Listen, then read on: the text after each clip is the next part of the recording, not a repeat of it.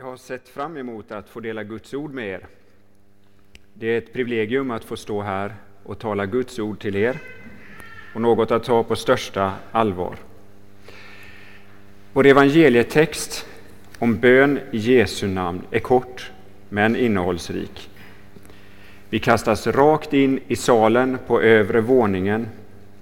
Judas har nyss lämnat sällskapet för att utföra sitt sataniska verk som ska inbringa de ganska mediokra 20 silvermynt, samma summa som de elva bröderna sålde sin broder Josef för. Johannes evangeliets 14, 15 och 16 kapitel är fyllda av Jesu angelägna röst, där han inte vill gå miste om detta tillfälle att tala med sina älskade lärjungar innan sitt lidande, död och uppståndelse. Och Jesu röst den ekar ut från nattvardssalen till den världsvida kyrkan och till alla lärjungar. Vi som tillhör Jesus är inkluderade i det som Jesus säger här.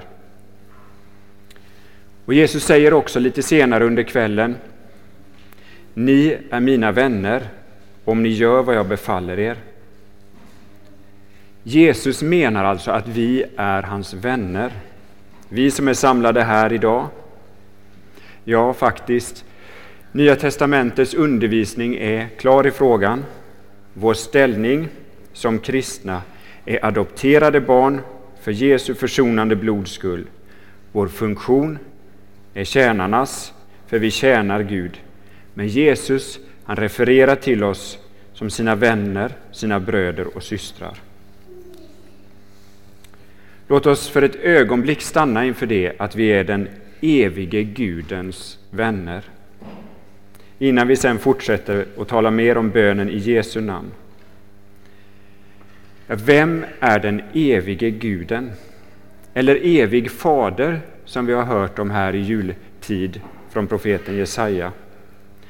Vi är vana, om, vana att prata om och tänka på Gud. Men vad innebär det att Gud är evig?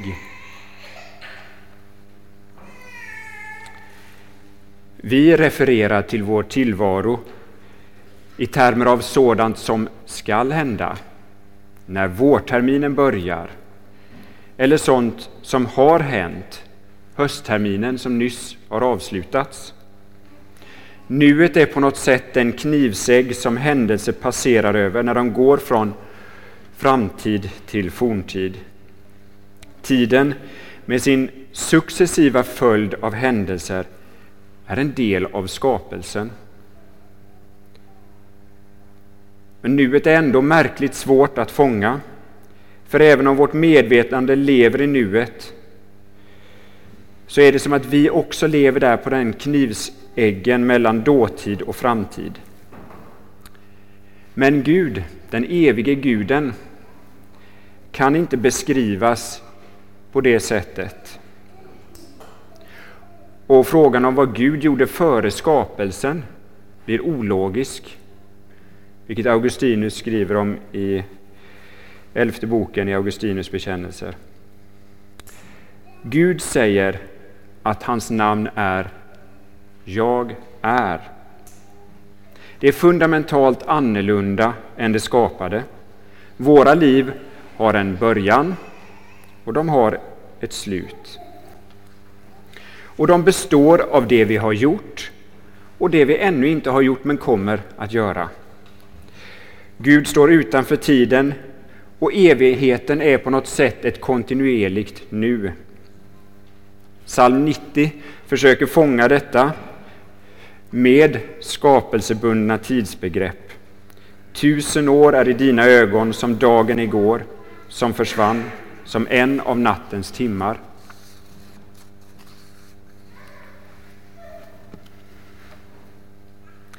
När Gud skapade världen så gjorde han det genom sitt ord. Det som Johannes evangeliet identifierar med Jesus, den oskapade sonen. Sonen är det skapande ordet.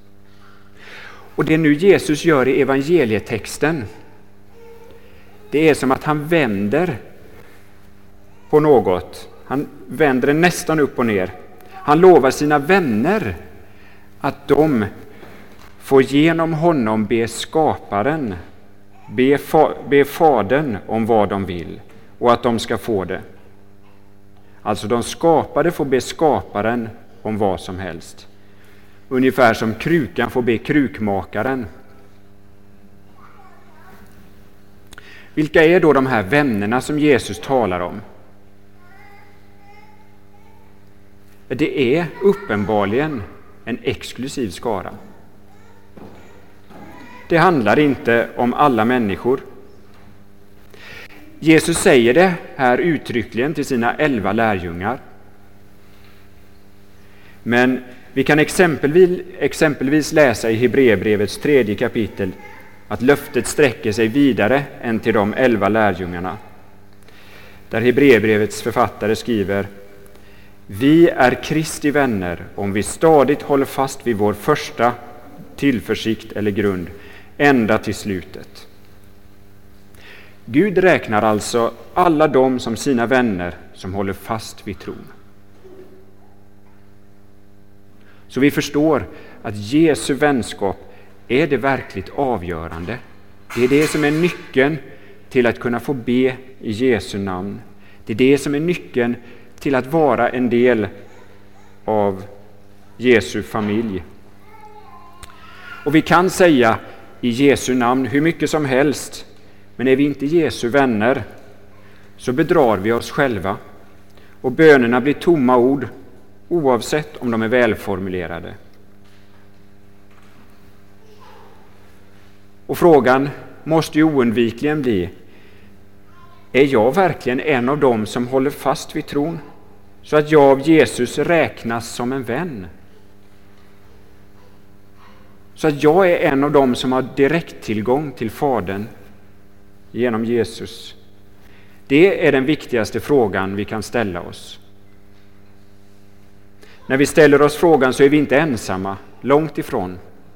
Otaliga människor har brottats med frågan och många har heller inte kommit till en säker övertygelse om att jag verkligen är en som kommer att stå på den högra sidan på den yttersta dagen. En av anledningarna till det är förväxlingen mellan försoningen och det kristna livet. Ser vi på vårt, ser vi på vårt kristna liv så ser vi att det inte är som det borde. Fullt av synder, fullt av egoism, lust till det onda i förskräckande mängd. Man kan dra slutsatsen att ingen sann kristen verkligen kan ha det så i sitt hjärta. Och det är absolut säkert att någon visshet om frälsningen får vi aldrig om vi vänder blicken inåt.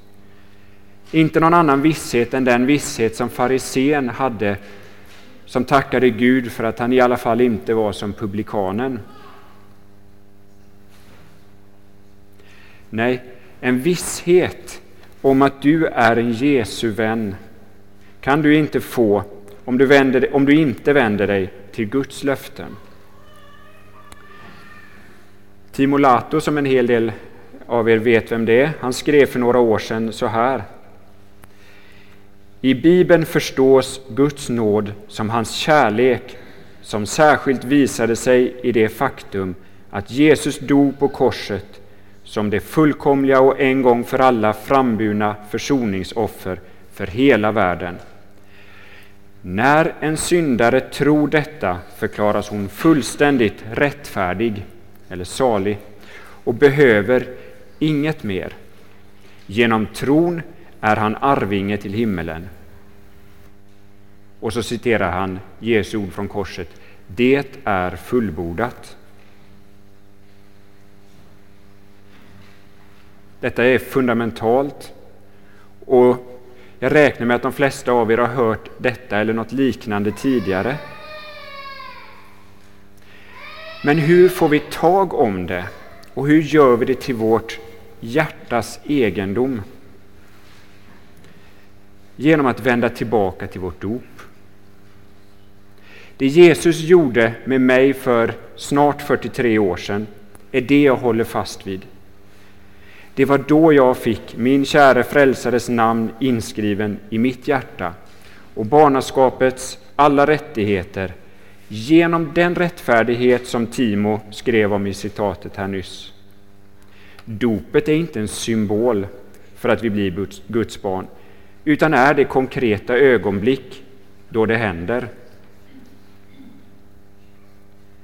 Vi får, när vi ansätts av tvivel, och det är någonting som de flesta av oss upplever från tid till annan, sjunga med i den kända dopsalmen. När jag frestas vill jag svara, jag är döpt i Jesu namn. Det är Guds löften och hans handlande som vi får hålla, hålla fram.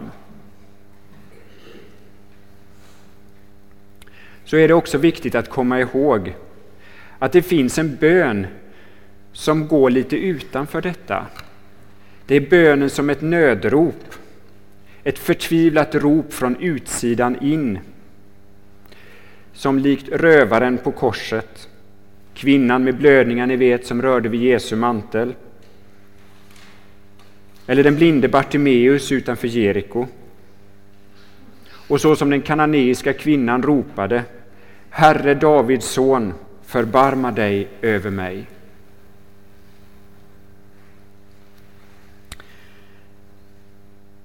Men nu läser vi alltså om att vi kan få be om vad vi vill och vi ska få det i dagens text.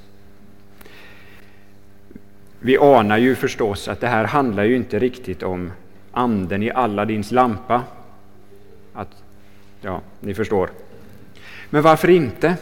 Det låter, ju, det låter ju faktiskt som att Gud ska ge oss precis vad vi vill. Förklaringen ligger i orden ”i mitt namn”. Några verser efter dagens evangelietext så läser vi den dagen ska ni förstå att jag är i min fader och att ni är i mig och jag i er. Det är detta faktum som gör att vi kan be i Jesu namn och få det vi ber om. Det innebär alltså att vi låter våra, vår vilja böjas under Guds vilja, så som Jesus bad i Getsemane men inte som jag vill, utan som du vill. Och så har Jesus själv lärt oss att bedja i Fader vår. Ske din vilja. När vi ber i Jesu namn ber vi att Guds vilja ska ske. Och då kan man ju ställa sig frågan, men kan man då verkligen be om något som man inte vet är Guds vilja? Och hur ska jag säkert kunna veta att det verkligen är Guds vilja? Ja, vår gamla människa kan spela oss många spratt och detta skulle ju vara ett av dem i så fall, om vi tänker så här. För detta är inte en anledning till att inte be. Vi ber i Jesu namn om vad vi vill och vi ber att Guds vilja ska ske. Och Gud kommer inte ge oss något som inte är i enlighet med hans vilja och till nytta för oss. Vi behöver inte vara oroliga över vad vi får be om. Och Paulus skriver också till församlingen i Filippi. Bekymra, in, bekymra er inte för något, utan låt Gud få veta alla era önskningar genom bön och åkallan med tacksägelse. Då ska Guds frid som övergår allt förstånd bevara era hjärtan och era tankar i Kristus Jesus. I detta underbara löfte får vi vila våra oroliga hjärtan. Bönen är inte ett krav för att vara en god kristen.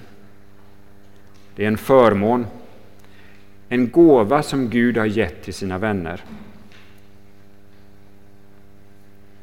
Men den kritiskt inställde kan ju då tänka vidare. Om vi nu kan be om vad vi vill, men allt ändå är underlagt Guds vilja, har det då verkligen någon betydelse om jag ber? Luther skriver så här på ett ställe. Varje enskild kristen uträttar så stora ting att han i gudomliga ting kan regera hela världen, hjälpa var man och vara alla till nytta och han gör de största gärningar som sker på jorden. Gud vet vad som i slutändan kommer ske. Men de kristnas böner är instrument för att Guds vilja ska ske. På samma sätt som vi är instrument för Guds vilja när vi följer missionsbefallningen.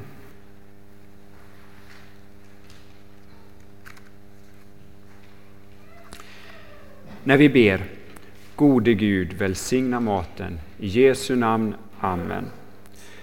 Så är det både en god och rätt bön. Det är en bön till Fadern i Jesu namn. Vi kommer till vår himmelske Far i hans Sons namn. Och vi ber om det som är i enlighet med Guds vilja eftersom Jesus själv har lärt oss att be om vårt dagliga bröd. Vi kan därför veta att Gud hör vår bön och verkligen välsignar maten. Och när vi firar nyårsdag så är det naturligt att vi blickar framåt över de dagar och månader som ligger framför oss. Och vi blickar naturligtvis bakåt och konstaterar att det är illa ställt med våra böner. Men vi behöver inte avge några nyårslöften om att vi ska bli duktiga på att be. Vi får lov att vila i det som den helige Ande säger genom Paulus till församlingen i Rom i det åttonde kapitlet. Så hjälper också Anden oss i vår svaghet. Ty vi vet inte vad vi bör be om. Men Anden själv ber för oss med suckar utan ord och han som utforskar hjärtan vet vad Anden menar eftersom Anden ber för de heliga så som Gud vill. Och den helige Ande bor i de kristnas hjärta.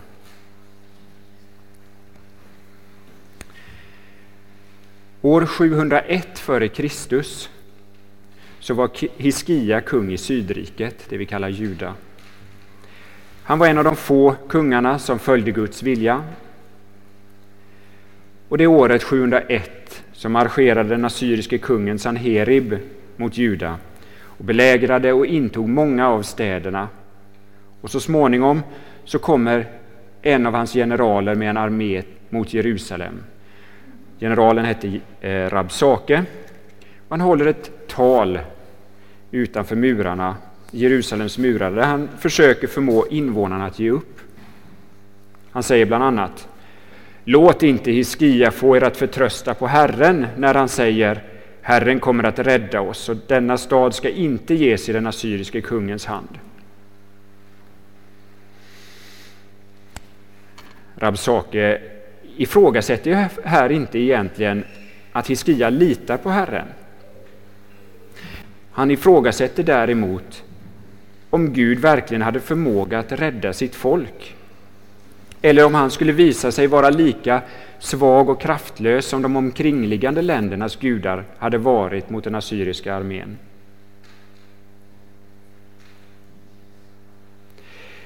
Hiskia var nog livrädd, men han lät sig inte förskräckas så att han övergav Israels Gud.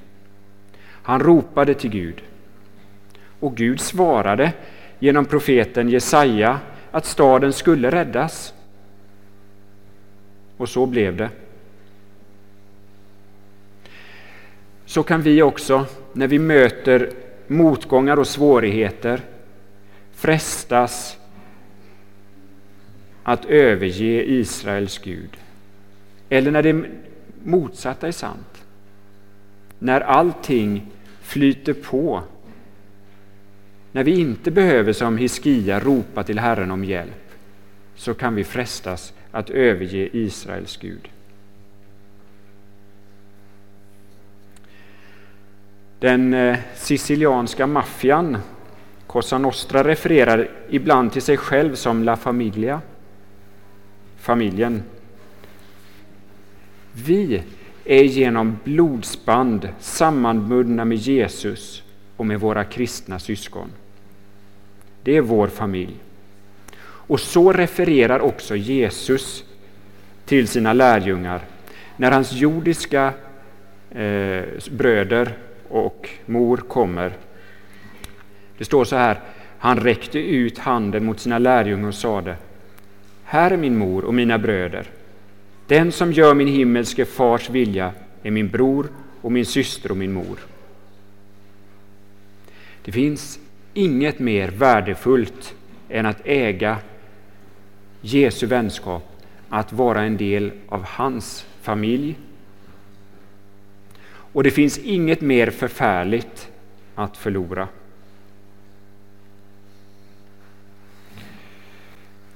Om ni händelsevis har varit lite trötta fram till nu så är detta avslutningen på predikan och det innehåller något som jag hoppas att ni kan få med er.